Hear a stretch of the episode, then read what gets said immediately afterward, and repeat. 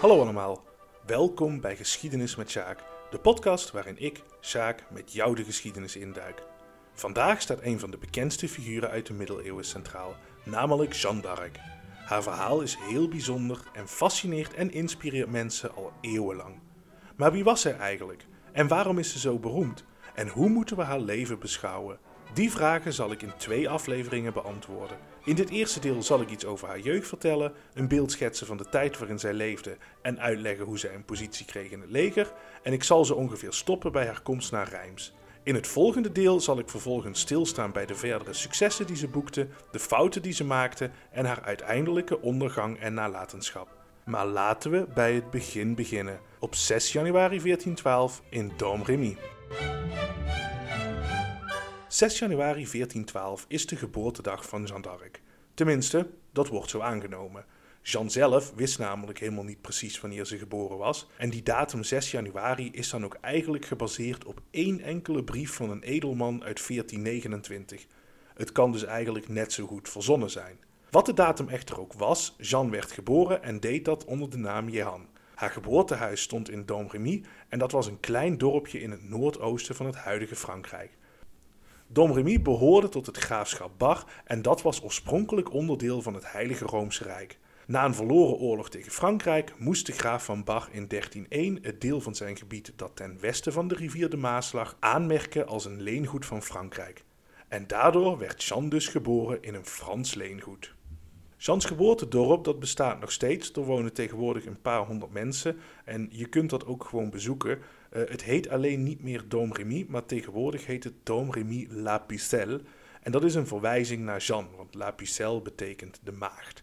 Het geboortehuis van Jeanne kun je ook nog steeds bezoeken. Jean's ouders heten Jacques en Isabelle en haar vader was een boer met een eigen stuk grond van ongeveer 20 hectare en hij speelde naar het schijnt een kleine rol in het bestuur van het dorp. Waarschijnlijk was het gezin van Jeanne dan ook niet arm, wat overigens niet automatisch wil zeggen dat ze rijk waren. Jeanne groeide op met haar twee broers en zusje en hielp al van jongs af aan mee op de boerderij van haar ouders. Ze is nooit naar school geweest en ze kon dan ook niet lezen of schrijven, maar ze hielp mee in het huishouden. Ze hoedde de dieren en naar eigen zeggen kon niemand zo goed spinnen en naaien als zij. Door de mensen die haar als kind hebben meegemaakt, werd ze omschreven als een levenslustig en aangenaam kind dat trouw haar moeder hielp en graag naar de kerk ging. Als tijdens het werk de kerkklokken opriepen tot gebed, dan knielde ze vroom neer om te bidden. Maar ze speelde ook graag met de andere kinderen in het dorp. Nou, zoals je merkt hebben we een redelijk goed beeld van Jeans jeugd en dat is eigenlijk best wel bijzonder voor iemand uit de middeleeuwen. De reden waarom dit zo is, daar kom ik tijdens de volgende aflevering uh, uitgebreid op terug. Oh, en ehm, nog even een tussendoortje. In deze aflevering en de volgende komen logischerwijs veel Franse namen voor. Ik heb zoveel mogelijk uitgezocht wat de correcte uitspraak is, maar mocht er toch een foutje ingeslopen zijn, dan bij voorbaat excuses daarvoor. Goed, hoe het ook mogen zijn, Jeanne groeide op in een woelige tijd. Hongersnoden en een verwoestende pestepidemie hadden de bevolking in de 14e eeuw flink in aantal doen afnemen. Tegelijkertijd stond het katholieke geloof ernstig onder druk. De katholieke wereld werd verscheurd door het Westerschisma en had daarnaast te maken met snoeiharde kritiek van hervormers als John Wycliffe en Jan Hus, wiens ideeën veel gehoor vonden onder de bevolking.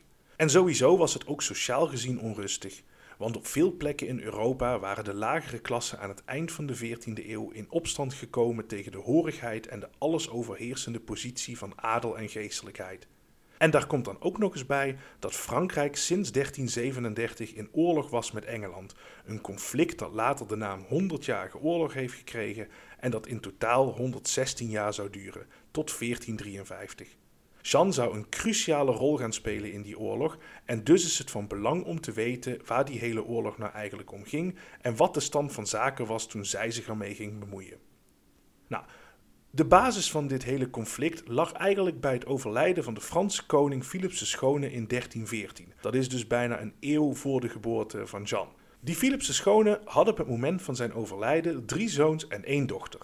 Die laatste was getrouwd met de Engelse koning Edward II. En uit dat huwelijk werd Edward III geboren, die in 1327 koning van Engeland werd. Houd dit gegeven even in gedachten. Die drie zoons van Philips de Schone die volgden hem achtereenvolgens op, maar ze overleden ook alle drie snel en deden dat zonder mannelijke opvolgers. En toen in 1328 de laatste zoon stierf, ontstond er dan ook een constitutionele crisis. Want er was namelijk geen directe mannelijke opvolger meer en eigenlijk degene die het meeste daarvoor in aanmerking kwam, dat was de Engelse koning Edward III. Die was namelijk een kleinzoon van Philips de Schone en had daardoor een heel duidelijke aanspraak op de Franse troon. Nu stond men hier in Frankrijk absoluut niet op te wachten.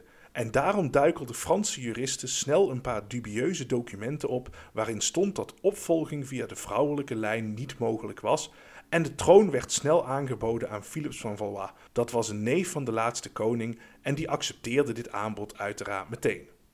Edward die was op dat moment pas 15 jaar en die had genoeg andere dingen aan zijn hoofd en die vond dit in eerste instantie allemaal wel best. Maar al snel zou dat veranderen. Want de status van die Philips van Valois bleef eigenlijk onzeker. En de manier waarop hij koning was geworden, dat was ook voor veel tijdgenoten toch wel enigszins apart. Gekscherend werd hij daarom wel eens Le Roi Trouve gevonden, oftewel de gevonden koning. Nou, die verhoudingen tussen Frankrijk en Engeland die waren sowieso al heel erg lang gespannen. Dit had allerlei redenen en het kwam bijvoorbeeld doordat Frankrijk een alliantie had met Schotland, waarmee de Engelsen talloze oorlogen uitvochten in de middeleeuwen. Toen bijvoorbeeld een Schotse koning na een nederlaag moest vluchten, gaven de Fransen hem asiel tot grote irritatie van de Engelsen. Die Engelsen deden overigens precies hetzelfde met Franse edellieden die zich tegen de Franse koning hadden gekeerd. Hier kwam bij dat de Engelse koning diverse bezittingen in Frankrijk had. De Engelse koning was bijvoorbeeld ook hertog van Guyenne. Dat hertogdom lag in het zuidwesten van Frankrijk en Bordeaux was daar de hoofdstad van. In die hoedanigheid van hertog van Guyenne was Edward III dus een leenman van de Franse koning en daarmee ondergeschikt aan hem. Maar tegelijkertijd was hij in zijn rol van koning van Engeland natuurlijk op papier gelijkwaardig. Ook allerlei economische redenen speelden een rol. Engeland importeerde op grote schaal wijn uit de gebieden in Frankrijk die het in bezit had. En Engeland exporteerde grote hoeveelheden wol naar Vlaanderen. De Vlaamse steden dankten hun enorme rijkdom in de middeleeuwen voor een belangrijk deel aan de handel met Engeland. Vlaanderen viel echter officieel onder de Franse koning. En vanuit diens oogpunt bezien was het een doorn in het oog dat de Engelsen bakken met geld verdienden door de handel met zijn gebieden. Het zorgde bovendien ook voor onrust, want de Vlaamse steden zetten zich regelmatig af tegen de Franse koning, omdat hij volgens hen de handel belemmerde. In Guyenne gebeurde overigens precies hetzelfde, maar dan omgekeerd. Zij vonden namelijk dat de Engelse koning hun veel te streng regeerde. De vlam sloeg uiteindelijk in de pan toen de burgers van Guyenne bij Philips protesteerden tegen de hoge belastingen die Edward hief. Philips zag hierin leenbreuk en ontnam de Engelse koning de titel van hertog van Guyenne. En in feite kwam dat erop neer dat deze dit gebied kwijt zou zijn. Edward ging hier uiteraard niet mee akkoord. En niet alleen dat, hij verklaarde ook opeens dat niet Philips, maar hij, Edward, de rechtmatige koning van Frankrijk was. Of Edward dit ook zelf geloofde is eigenlijk onduidelijk, maar dat deed er in feite niet toe, want volgens de destijds geldende opvolgingsregels had hij een rechtvaardig punt. En zo begon de oorlog. Het is ook wel belangrijk om een beetje context te hebben over oorlogsvoering in de 14e en 15e eeuw. Want dat moet namelijk wel heel nadrukkelijk in die tijd gezien worden. Ik ben het nu een beetje aan het chargeren, maar oorlogvoering was destijds vooral bedoeld om de tegenstander te ontregelen en zo tot concessies aan de onderhandelingstafel te dwingen. De Engelsen hadden absoluut geen groot strategisch plan om Frankrijk te veroveren. Uh, en daar hadden ze ook überhaupt helemaal niet de financiële, logistieke en militaire mogelijkheden voor. De Engelse legers die tijdens de oorlog uh, Frankrijk binnenvielen, die telden vaak maximaal 10.000 man. En geld om die soldaten te betalen, dat was er eigenlijk überhaupt nooit. Soldaten moesten deels betaald worden door plundering of bijvoorbeeld door edelen gevangen te nemen. En voedsel, dat moesten ze maar verkrijgen door de plaatselijke boeren hun oogst af te pakken. En hier komt dan nog eens bij dat oorlogvoering eigenlijk alleen maar mogelijk was gedurende de zomermaanden. Met andere woorden, als je dit alles bij elkaar neemt, een langdurige campagne die gericht was op een duurzame strategische verovering, ja, dat was eigenlijk praktisch gezien gewoon onmogelijk. Het is ook goed om te beseffen dat nationale gevoelens niet bestonden in die tijd. De inwoners van Frankrijk bijvoorbeeld, die voelden zich inwoner van hun dorp, hun stad, hun graafschap, hertogdom, noem maar op, en waren loyaal aan hun vorst of leenheer. Maar het concept van een vaderland en een natiestaat, dat moest nog uitgevonden worden, al zouden in zowel Engeland als Frankrijk als gevolg van deze oorlog wel langzaamaan zulke gevoelens ontstaan. Maar de Honderdjarige Oorlog is nadrukkelijk niet een oorlog zoals bijvoorbeeld de Eerste Wereldoorlog, waarbij de bevolking van hele landen gemobiliseerd werd om ter eer en glorie van het vaderland ten strijde te trekken. In de 14e eeuw zwoer je trouw aan een persoon, niet aan een land. En dus sloot men zich in geval van conflict aan bij die partij die het meeste voordeel bood en baseerde die keuze dus ook niet op nationale gevoelens omdat zowel de Franse als de Engelse koning juridisch gezien een prima claim op de Franse troon hadden, was dit ook algemeen geaccepteerd. Wel leidde dit natuurlijk onvermijdelijk tot heel chaotische situaties. In Vlaanderen bijvoorbeeld was er constant strijd tussen de steden, die wilden een goede relatie met Engeland, en de adel, die op de hand van de Fransen was. En in Bretagne woedde een enorme strijd tussen twee pretendenten die allebei hertog wilden worden, de een zocht steun bij Engeland en de ander bij Frankrijk. De Honderdjarige Oorlog is daarnaast geen aaneengesloten conflict. Historici die onderscheiden ruwweg drie perioden waarin flink gevochten werd en die werden dan weer afgewisseld met lange perioden van wapenstilstanden en relatieve vrede. Moet ik er wel bij zeggen, relatief is hierbij wel het voornaamste woord, want officieel vochten de Engelsen en Fransen dan wel niet met elkaar. De bevolking merkte daar meestal heel weinig van, want vrede betekende namelijk automatisch dat allerlei bendes huurlingen opeens werkeloos waren en die gingen vaak gewoon vrolijk door met het plunderen van het platteland. Nou, Waarschijnlijk kunnen er meerdere podcasts gevuld worden met de wederwaardigheden van die 100-jarige oorlog. Voor nu is het even het voornaamste om te weten dat de oorlog in eerste instantie heel slecht voor de Fransen verliep. In 1340 vond de eerste grote slag plaats. Dat was een zeeslag bij het plaatsje Sluis. Dat ligt tegenwoordig in Zeeuws-Vlaanderen. En de Fransen werden hierbij dusdanig afgemaakt dat na afloop niemand Philips hierover durfde te vertellen. Uiteindelijk hebben ze de Hofnar maar opdracht gegeven om dat te doen. En die schijnt gezegd te hebben: die laffe Engelsen, die laffe Engelsen, die zijn niet overboord gesprongen, zoals onze dappere landgenoten. Na afloop van de slag zei men dat de Franse verliezen zo groot waren dat de vissen bij Sluis Frans zouden hebben gesproken als ze konden praten. Zoveel Frans bloed hadden ze binnengekregen. Andere grote nederlagen volgden, zoals bij Créqui in 1346 en Poitiers in 1356. Bij die laatste werd de Franse koning Jan II, dat was de opvolger van Philips van Valois, gevangen genomen. En dat was natuurlijk een ongekende vernedering. Dat de Engelsen die winsten wisten te behalen, heeft meerdere redenen. Eén daarvan was de lange boog, dat is het wapen dat door het grootste deel van het Engelse leger gebruikt werd. Ik kom daar zo nog eventjes op terug. Maar eigenlijk de belangrijkste reden voor de Engelse successen, dat was de interne situatie in Frankrijk. Want die was namelijk ontzettend chaotisch. Het land werd verscheurd door onderlinge twisten, zoals bijvoorbeeld al eerder genoemde conflicten in Bretagne en Vlaanderen. En de Franse koningen die maakten die hele situatie alleen nog maar ingewikkelder. Jan II bijvoorbeeld, die ik net noemde, die zat bijna tien jaar gevangen. En zijn kleinzoon Karel VI, die regeerde van 1380 tot 1422, die had regelmatig aanvallen van krankzinnigheid. Tijdens een van die aanvallen had hij bijvoorbeeld een aantal van zijn lijfwachten aangevallen en gedood. En later weigerde hij vijf maanden lang te baden en schone kleren aan te trekken. Hij heeft ook een fase gehad waarin hij ervan overtuigd was dat hij gemaakt was van glas en dat hij doodsbang was dat hij zou breken. Zijn toestand was, zoals je al merkt, bij momenten dusdanig fragiel dat hij eigenlijk nauwelijks in staat was het land te leiden. In die chaos streden eigenlijk twee partijen om de macht aan het hof. Dat waren de Armagnacs en de Bourgondiërs. Beide waren door familiebanden verbonden aan het Franse koningshuis. Lodewijk van Orléans, dat was de leider van de Armagnacs, was een broer van de Franse koning en Jan zonder vrees, de leider der Bourgondiërs, was een neef van hem. Die beide facties gingen heel ver in hun streven naar de macht.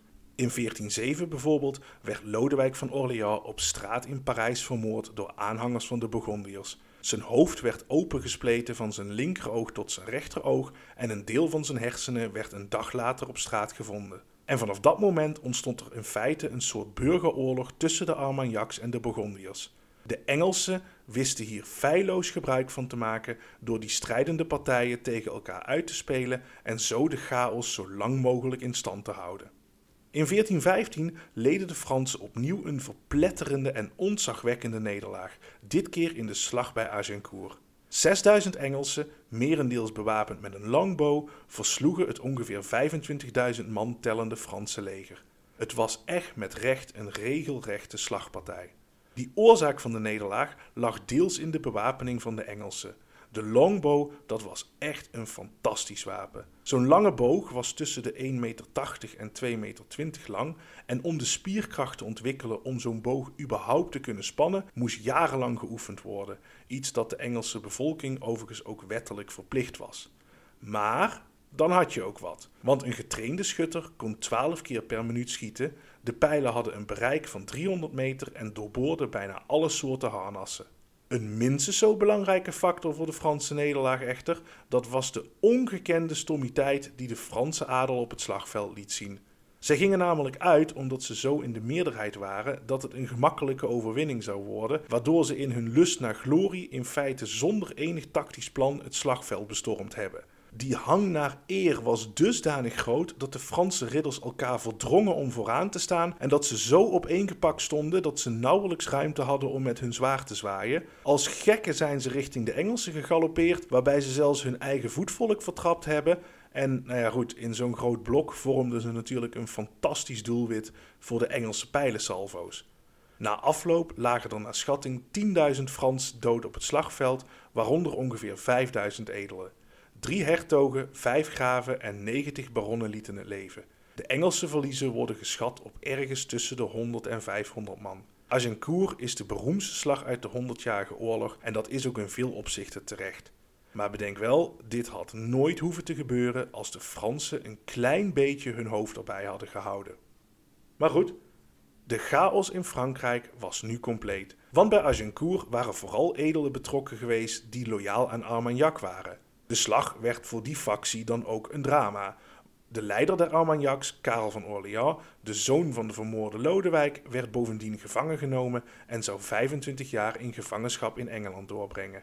Tijdens die gevangenschap overigens uh, legde hij zich vooral toe op het schrijven van gedichten. En hij bleek daar heel erg goed in te zijn, want hij groeide in die jaren uit tot een heel veel gelezen dichter. Maar goed, uh, naast dit alles stierven in de zes maanden na Agincourt in korte tijd nog eens twee Franse kroonprinsen, waarmee de toch al fragiele positie van het Franse koningshuis nog onzekerder werd. En in 1417 vielen ook nog eens de Engelse Normandië binnen en liepen dat al snel onder de voet. Geprobeerd werd om de strijdende facties in Frankrijk tot een wapenstilstand te bewegen, maar het tegenovergestelde werd bereikt. In 1418 namen de Bourgondiërs Parijs in. De pas 15-jarige Franse kroonprins Karel die was op de hand van de Armagnacs, kon ternauwernood in een doek gewikkeld de stad worden uitgesmokkeld. Enkele weken later kwamen de spanningen opnieuw tot uitbarsting. Honderden aanhangers van Armagnac werden op straat vermoord. Een van hen, Bernard van Armagnac, werd op gruwelijke wijze levend gevild, waarbij zijn huid dusdanig in repen werd gesneden dat hij de rood-witte kleuren van de vlag van Bourgondië uitbeelde. De dauphin, dat is de Franse naam voor de kroonprins, trok zich terug in Bourges. Wekenlang onderhandelde hij met Jan zonder vrees over wat te doen. Uiteindelijk werd in de zomer van 1419 een akkoord gesloten. De Burgondiërs en Armagnacs zouden tijdelijk de strijdbijl begraven en zich in eerste instantie gaan richten op het verslaan van de Engelsen. Dat nieuws werd met dusdanig enthousiasme ontvangen dat de inwoners van Parijs dagenlang feest vierden. Afgesproken werd dat de dauphin en Jan zonder vrees elkaar zouden ontmoeten op de brug bij het plaatsje Montreux om de laatste details af te spreken. De brug was aan beide kanten afgezet met een omheining waarin een deur was geplaatst. Jan en Karel mochten ieder tien vertrouwelingen meenemen. De spanning moet ter plekke voelbaar zijn geweest. De Franse kroonprins had zich namelijk omringd met Armagnacs. Beide partijen kwamen de brug op. De dauphin leunde tegen de reling. Jan zonder vrees knielde voor hem neer. Ze spraken enige woorden, maar op dat moment schreeuwde een van de aanwezigen: Pak aan, monseigneur van Bourgondië! En hij sloeg zijn bijl in de rug van Jan. De deur aan de kant van de kroonprins ging open en tientallen soldaten stormden de brug op. Jan zonder vrees zijn hand werd afgehakt en zijn hoofd ingeslagen. De moord op Lodewijk van Orléans was gewroken. Nou goed, dat laatste mocht dan wel zo zijn, maar het mogen duidelijk zijn dat met de dood van Jan zonder vrees er natuurlijk helemaal geen einde was gekomen aan die onderlinge strijd. Sterker nog, eh, de dode hertog werd opgevolgd door zijn zoon Philips de Goede en die besloot natuurlijk om wraak te nemen. In 1420 sloot hij daarom namens Frankrijk een verdrag met de Engelsen, het zogenaamde Verdrag van Troyes. Daarin werd vastgelegd dat de Franse kroonprins vanwege zijn misdaden, daarmee werd dus bedoeld het vermoorden van Philips de Goede zijn vader, geen recht meer had op de troon. En tussendoor werd ook gesuggereerd dat de Franse kroonprins sowieso een bastaard was en daarmee dus überhaupt geen koning kon worden. Afgesproken werd dat wanneer de Franse koning, dat was nog steeds de waanzinnige Karel VI, zou komen te overlijden, de Engelse koning Hendrik V hem zou opvolgen. Karel V heeft dit verdrag ondertekend en daarmee maakte hij ironisch genoeg een einde aan zijn eigen koninklijke huis. Maar goed, de juridische basis van dit hele verdrag was natuurlijk vanaf het begin wankel. Want Karel V werd, zoals gezegd, vanwege zijn toestand ook in die tijd nauwelijks in staat geacht het land te besturen, laat staan dit soort beslissingen te nemen. De Franse koningin Isabeau die ondertekende het verdrag ook, maar ook zij was verre van stabiel. Ze was na het schijn doodsbang voor onweer en dusdanig dat ze een speciaal voertuig had laten bouwen om haar te beschermen in het geval van onweer. En ook durfden ze geen bruggen over te steken, behalve als die een leuning hadden. Isabeau handelde met het ondertekenen van dit verdrag bovendien wellicht uit wraak, want in 1419 had de leider van de Armagnacs al haar rijkdommen geconfiskeerd omdat ze zich te veel aan de kant van de Burgondiërs zou hebben geschaard. Isabeau gaf haar zoon Karel, de kroonprins dus, daarvan de schuld. In navolging van dit verdrag trouwde de Engelse koning met een dochter van Karel, die na verluid met tranen in haar ogen haar jawoord gaf.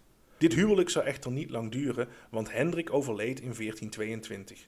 Zijn zoon die was toen tien maanden oud, maar werd desalniettemin in Parijs uitgeroepen tot koning van zowel Frankrijk als Engeland. Even later overleed ook Karel de Waanzinnige. Het is een opmerkelijke en toevallige samenloop van omstandigheden. Want wellicht was de hele geschiedenis heel anders gelopen als Hendrik of Karel niet zo snel achter elkaar gestorven waren. Dat hele verdrag van Troyes is de Burgondiërs overigens nooit in dank afgenomen. Eh, zeker in latere tijden werd het toch gezien als een vorm van landverraad. Maar het moet natuurlijk wel nadrukkelijk in zijn tijd geplaatst worden. Wraakzucht speelde hierbij een belangrijke rol, zoals ik net heb uitgelegd. Maar Philips de Goede die zag in die hele strijd tussen Engeland en Frankrijk natuurlijk ook gewoon simpelweg een uitgelezen kans om zijn eigen positie en die van zijn hertogdom te versterken. En hij probeerde daarbij zoveel mogelijk te voorkomen dat de Engelsen of de Fransen de overhand kregen in Frankrijk. Formeel gezien hadden de Burgondiërs een bondgenootschap met de Engelsen, maar in de praktijk spraken ze regelmatig in het geheim met vertegenwoordigers van de Franse kroonprins Karel. Mocht je overigens meer willen weten over de Burgondiërs, dan is het fantastische boek dat Bart van Loo hierover heeft geschreven een absolute aanrader. Hoe je het ook wendt of keert, het verdrag van Troyes was het absolute dieptepunt voor Frankrijk tijdens de oorlog. Het land was in feite in drie delen verdeeld. De Engelsen beheersten de huidige Franse noordkust, Parijs, Normandië en Guyenne. De Burgondiërs bezaten Vlaanderen en een aantal gebieden in het oosten van Frankrijk. En het zuiden viel officieel onder de Franse kroonprins. Die laatste accepteerde dat hele verdrag van Troyes uiteraard niet. Hij claimde na de dood van zijn vader de rechtmatige koning te zijn, maar hij deed verder eigenlijk niks om ook daadwerkelijk gekroond te worden. De dauphin resideerde voornamelijk in het plaatsje Bourges, wat hem de spottende bijnaam Koning van Bourges opleverde. De situatie aan het hof was op dat moment schijnbaar dusdanig schrijnend dat de plaatselijke slager op een gegeven moment zelfs weigerde om nog langer vlees te leveren aan het hof, zolang de openstaande schulden niet waren voldaan. Karel had nauwelijks een leger en ook geen geld om er een samen te stellen. Enkele weken voor de komst van Jeanne d'Arc hadden de Fransen een volgende pijnlijke nederlaag geleden, terwijl ze met bijna drie keer zoveel troepen waren geweest. Bovendien belegerden de Engelsen de stad Orléans. Een verovering daarvan zou betekenen dat de weg naar Zuid-Frankrijk open zou liggen. Ook hieraan deed Karel echter verder niets en hij bleef in een soort mist van besluiteloosheid en wanhoop koninkje spelen in Bourges. De situatie leek dan ook compleet hopeloos. En toen verscheen Jeanne d'Arc, precies op het goede moment. Na eigen zeggen hoorde Jeanne in 1425 voor het eerst stemmen in de tuin van haar ouders. Later heeft ze gezegd dat de aartsengel Michael, de heilige Margaretha van Antiochië en de heilige Catharina tot haar spraken. De wederwaardigheden van de oorlog hadden haar geboortedorp sowieso niet onberoerd gelaten. Want in 1425 was het dorp door Burgondische en Engelse soldaten geplunderd. En drie jaar later hadden Jeanne en haar familie hals over kop het huis moeten verlaten voor een andere bende plunderaars. Jeanne had sowieso een enorme hekel aan Burgondiërs. Ik kende maar één Burgondier in mijn jeugd en ik wenste dat zijn hoofd werd afgeslagen. Zo zou ze later een keer gezegd hebben. De kinderen van Domremy vochten regelmatig met die van het naburige dorp Maxi dat op Burgondisch grondgebied lag. Jeanne kreeg naar eigen zeggen van de heilige de opdracht om Frankrijk te bevrijden.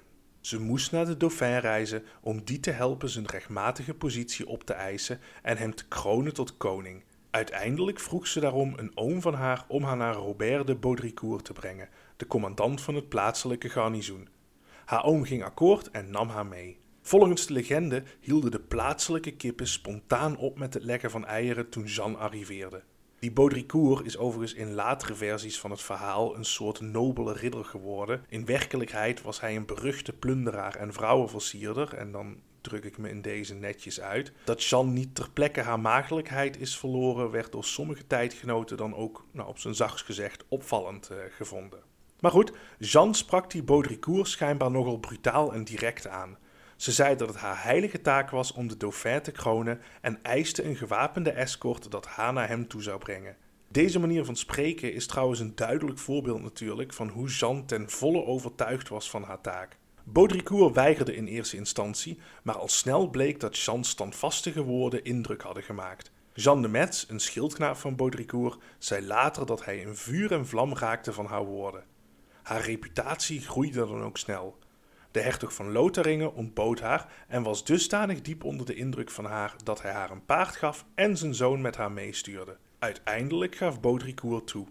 Op 13 februari 1429 vertrok Jeanne naar Chinon, waar de dauphin zich op dat moment bevond. Omdat de reis dwars door Burgondisch gebied zou gaan, trok Jeanne, na verluid op advies van haar medereizigers, mannenkleren aan. Onthoud dit, want dit wordt later in het verhaal belangrijk. Het nieuws over haar komst was haar al vooruitgereisd. Men was aan het Franse hof echter sceptisch. Toen ze de ophaalbrug van het kasteel van Chinon opreed, zou een van de wachters hebben gezegd: Huh, is dat de maagd? Als ik haar een nacht bij me zou hebben, zou ze geen maagd meer zijn. Maar Jean antwoordde: Je ontkent God terwijl je zo dicht bij de dood bent. En binnen een uur was de soldaat in het water gevallen en verdronken. Ook kroonprins Karel had een list bedacht om Jean te testen. Hij vermomde zich en verstopte zich in de menigte die haar opwachtte. Een edelman kreeg als taak om zich voor te doen als de dauphin. Jeanne doorzag de truc echter meteen. Ze negeerde de nepprins en toen ze tussen de aanwezigen de kroonprins herkende, viel ze op haar knieën voor hem neer, terwijl ze zei: Heer, ik ben gezonden om u en uw koninkrijk hulp te brengen. Na deze vertoning trokken Jeanne en Karel zich terug. Wat daar besproken is, weten we helaas niet, maar tijdgenoten omschreven dat de kroonprins nadien veranderde. De weifelende, neergeslagen figuur die Karel tot dan toe altijd geweest was, leek opeens nieuwe energie te hebben gekregen. Toch was de kroonprins niet volledig overtuigd. Hij liet hofdames onderzoeken of Jeanne wel echt een maagd was en een aantal geestelijken, waaronder een aartsbisschop en twee bisschoppen, controleerden of ze er geen ketterse denkbeelden op nahield. Helaas zijn ook hier geen geschriften van overgeleverd, maar de geestelijken gaven hun goedkeuring, dus we kunnen ervan uitgaan dat het goed was. Wellicht speelde hierbij ook een voorspelling een rol die al decennia lang rondging, namelijk dat een maagd uiteindelijk Frankrijk zou redden. Meteen na haar ondervraging door de geestelijke stuurde Jeanne een brief naar de Engelse regent in Frankrijk, waarin ze op bijna arrogante toon hem opdroeg om Frankrijk te verlaten en erop wees dat God aan haar kant stond. De Engelse regent nam overigens niet eens de moeite om op deze brief te reageren. Hierna kreeg Jeanne een wapenuitrusting aangemeten en ze ontving een korte militaire training. Er werd haar een zwaard aangeboden, maar dit weigerde ze. Want het zwaard dat ze wilde lag volgens haar begraven achter het altaar van de kerk van Fierbois. En inderdaad, toen een aantal lieden daar gingen zoeken, vonden ze een zwaard. De symbolische waarde van deze gebeurtenis die was logischerwijs natuurlijk enorm groot, want tijdgenoten zagen het als een bevestiging van Gods goedkeuring. Jean beweerde dat de stemmen haar verteld hadden over het zwaard. Het is echter natuurlijk ook heel goed mogelijk dat ze, omdat ze de kerk goed kende en er vaak geweest was in haar jeugd, dat ze al dan niet via allerlei legendes en verhalen wist dat dat zwaard zich daar bevond. Maar goed, los van dit alles kreeg ze van de dauphin ook nog eens haar beroemde vaandel. Dat was wit van kleur met daarop de drie-eenheid afgebeeld, die geflankeerd werd door twee engelen en lelies in het stof geweven. Op de achtergrond was een duif afgebeeld die een rol perkament vasthield waarop van de partij van de hemelkoning stond, een duidelijke verwijzing naar Jean's goddelijke opdracht. Jeanne wilde nu ook meteen in actie komen en na lang aandringen gaf Karel haar in april 1429 toestemming om naar Orléans op te trekken. Die stad werd, zoals al eerder gezegd, op dat moment al zes maanden belegerd door de Engelsen, die dat overigens zonder veel succes deden. Want het Engelse leger was te klein om Orléans te bestormen en ook te klein om de stad volledig in te sluiten, waardoor het uithongeren van de stad ook niet echt wilde vlotten. Jeanne arriveerde bij Orléans in de veronderstelling dat ze meteen in de aanval zou gaan. Maar de overige Franse aanvoerders waren het daar absoluut niet mee eens. Zij wilden de stad ingaan om de bewoners voorraden te geven en een morele boost te bezorgen. Wellicht zagen zij Jeanne dan ook meer als een soort van mascotte dan iemand die daadwerkelijk troepen ging aanvoeren. Jeanne was uiteraard woest toen ze hoorde wat het plan was, maar ze ging er uiteindelijk wel mee akkoord. Op 29 april om 1 uur s'nachts trok ze de stad in met haar vaandel in de hand. De inwoners van Orléans liepen massaal uit om haar te zien. Pas vijf dagen later zou ze voor het eerst ten strijde trekken. De Fransen hadden besloten om het vestingwerk Saint-Loup aan te vallen. Dat werd door de Engelsen bezet en die blokkeerden daarmee een aanvoerroute van voedsel. Op het moment dat de aanval begon, was Jeanne nog aan het slapen, maar toen ze hoorde dat de strijd begonnen was, sprong ze op en snelde naar het strijdtoneel. Het gevecht verliep, ondanks dat de Fransen in de meerderheid waren, bijzonder moeizaam, totdat Jeanne ten tonele verscheen. 140 van de 500 Engelse verdedigers sneuvelden. Hiermee had Jeanne haar eerste grote militaire succes geboekt. De overige aanvoerders wilden meteen doordrukken, maar Jeanne weigerde dit. De volgende dag was namelijk hemelvaart en op feestdagen mocht niet gevochten worden. Een andere versie van dit verhaal stelt overigens dat het niet Jeanne was die niet wilde vechten, maar het juist de overige aanvoerders waren, omdat zij de soldaten wat rust wilden geven. Hoe het ook mogen zijn, uiteindelijk namen de Fransen op 6 mei zonder al te veel moeite het versterkte klooster van Saint-Augustin in. Jeanne raakte daarbij overigens gewond aan haar voet toen ze op een kraaienpoot stapte. Maar met de verovering van dit klooster lag de weg naar Les Tourelles open. Want je moet weten, Orléans lag op de noordelijke oever van de rivier de Loire. Een brug verbond de stad met de zuidelijke oever. En de toegang aan die kant van de brug werd beschermd door een vesting genaamd Les Tourelles. Die was in Engelse handen, maar als die heroverd kon worden door de Fransen, dan zou Orléans vanuit het zuiden niet meer omsingeld zijn. Vanwege de verwonding aan haar voet raadden de meeste Franse legerleiders Jeanne aan om niet mee te vechten, maar zij weigerde dat uiteraard. Toen de aanval op 7 mei begon, verliep deze uiterst moeizaam. Jeanne ging voorop in de strijd, maar raakte al snel gewond. Een pijl trof haar boven de linkerborst. Na verluid drong die pijl 15 centimeter haar lichaam in, maar trok ze deze er zelf weer uit. Gewond werd ze afgevoerd, maar later die dag keerde ze alweer terug in de frontlinie. De aanval was tot op dat moment zonder succes geweest en de Franse aanvoerders hadden besloten om de bestorming te staken en de volgende dag verder te gaan. Jean was het hier niet mee eens. Toen de trompetten het sein tot terugtrekking gaven, negeerde ze dat gewoon. Furieus trok ze weer ten aanval, anderen in haar passie met zich meenemend. En toen de soldaat die haar vaandel droeg neerviel, nam Jeanne het zelf over. Zo stond ze, vaandel in de hand, uitdagend voor de muren van Les Tourelles. Het is een iconisch beeld. De Fransen zetten door en aan het einde van de dag waren Les Tourelles veroverd. De Engelsen zagen nu ook in dat een verdere belegering van Orléans weinig zin had. En een dag later, op 8 mei, hieven ze het beleg dan ook op. Orléans was zes maanden lang een belegerde stad geweest.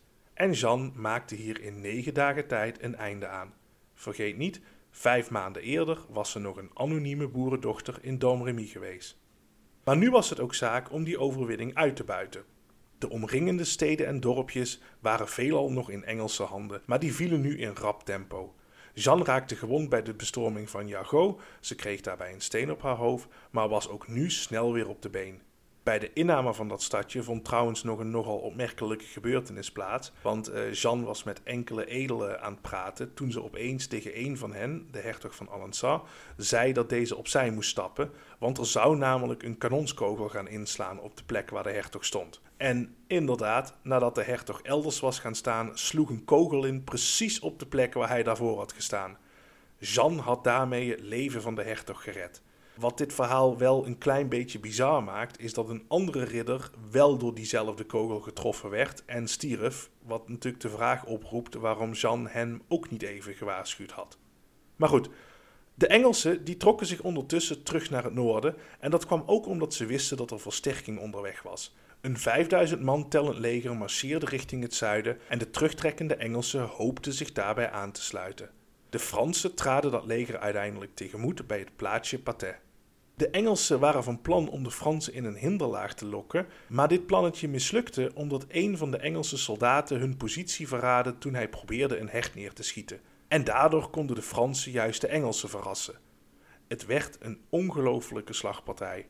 2000 Engelsen sneuvelden tegenover tussen de 5 à 100 Fransen die de dood vonden.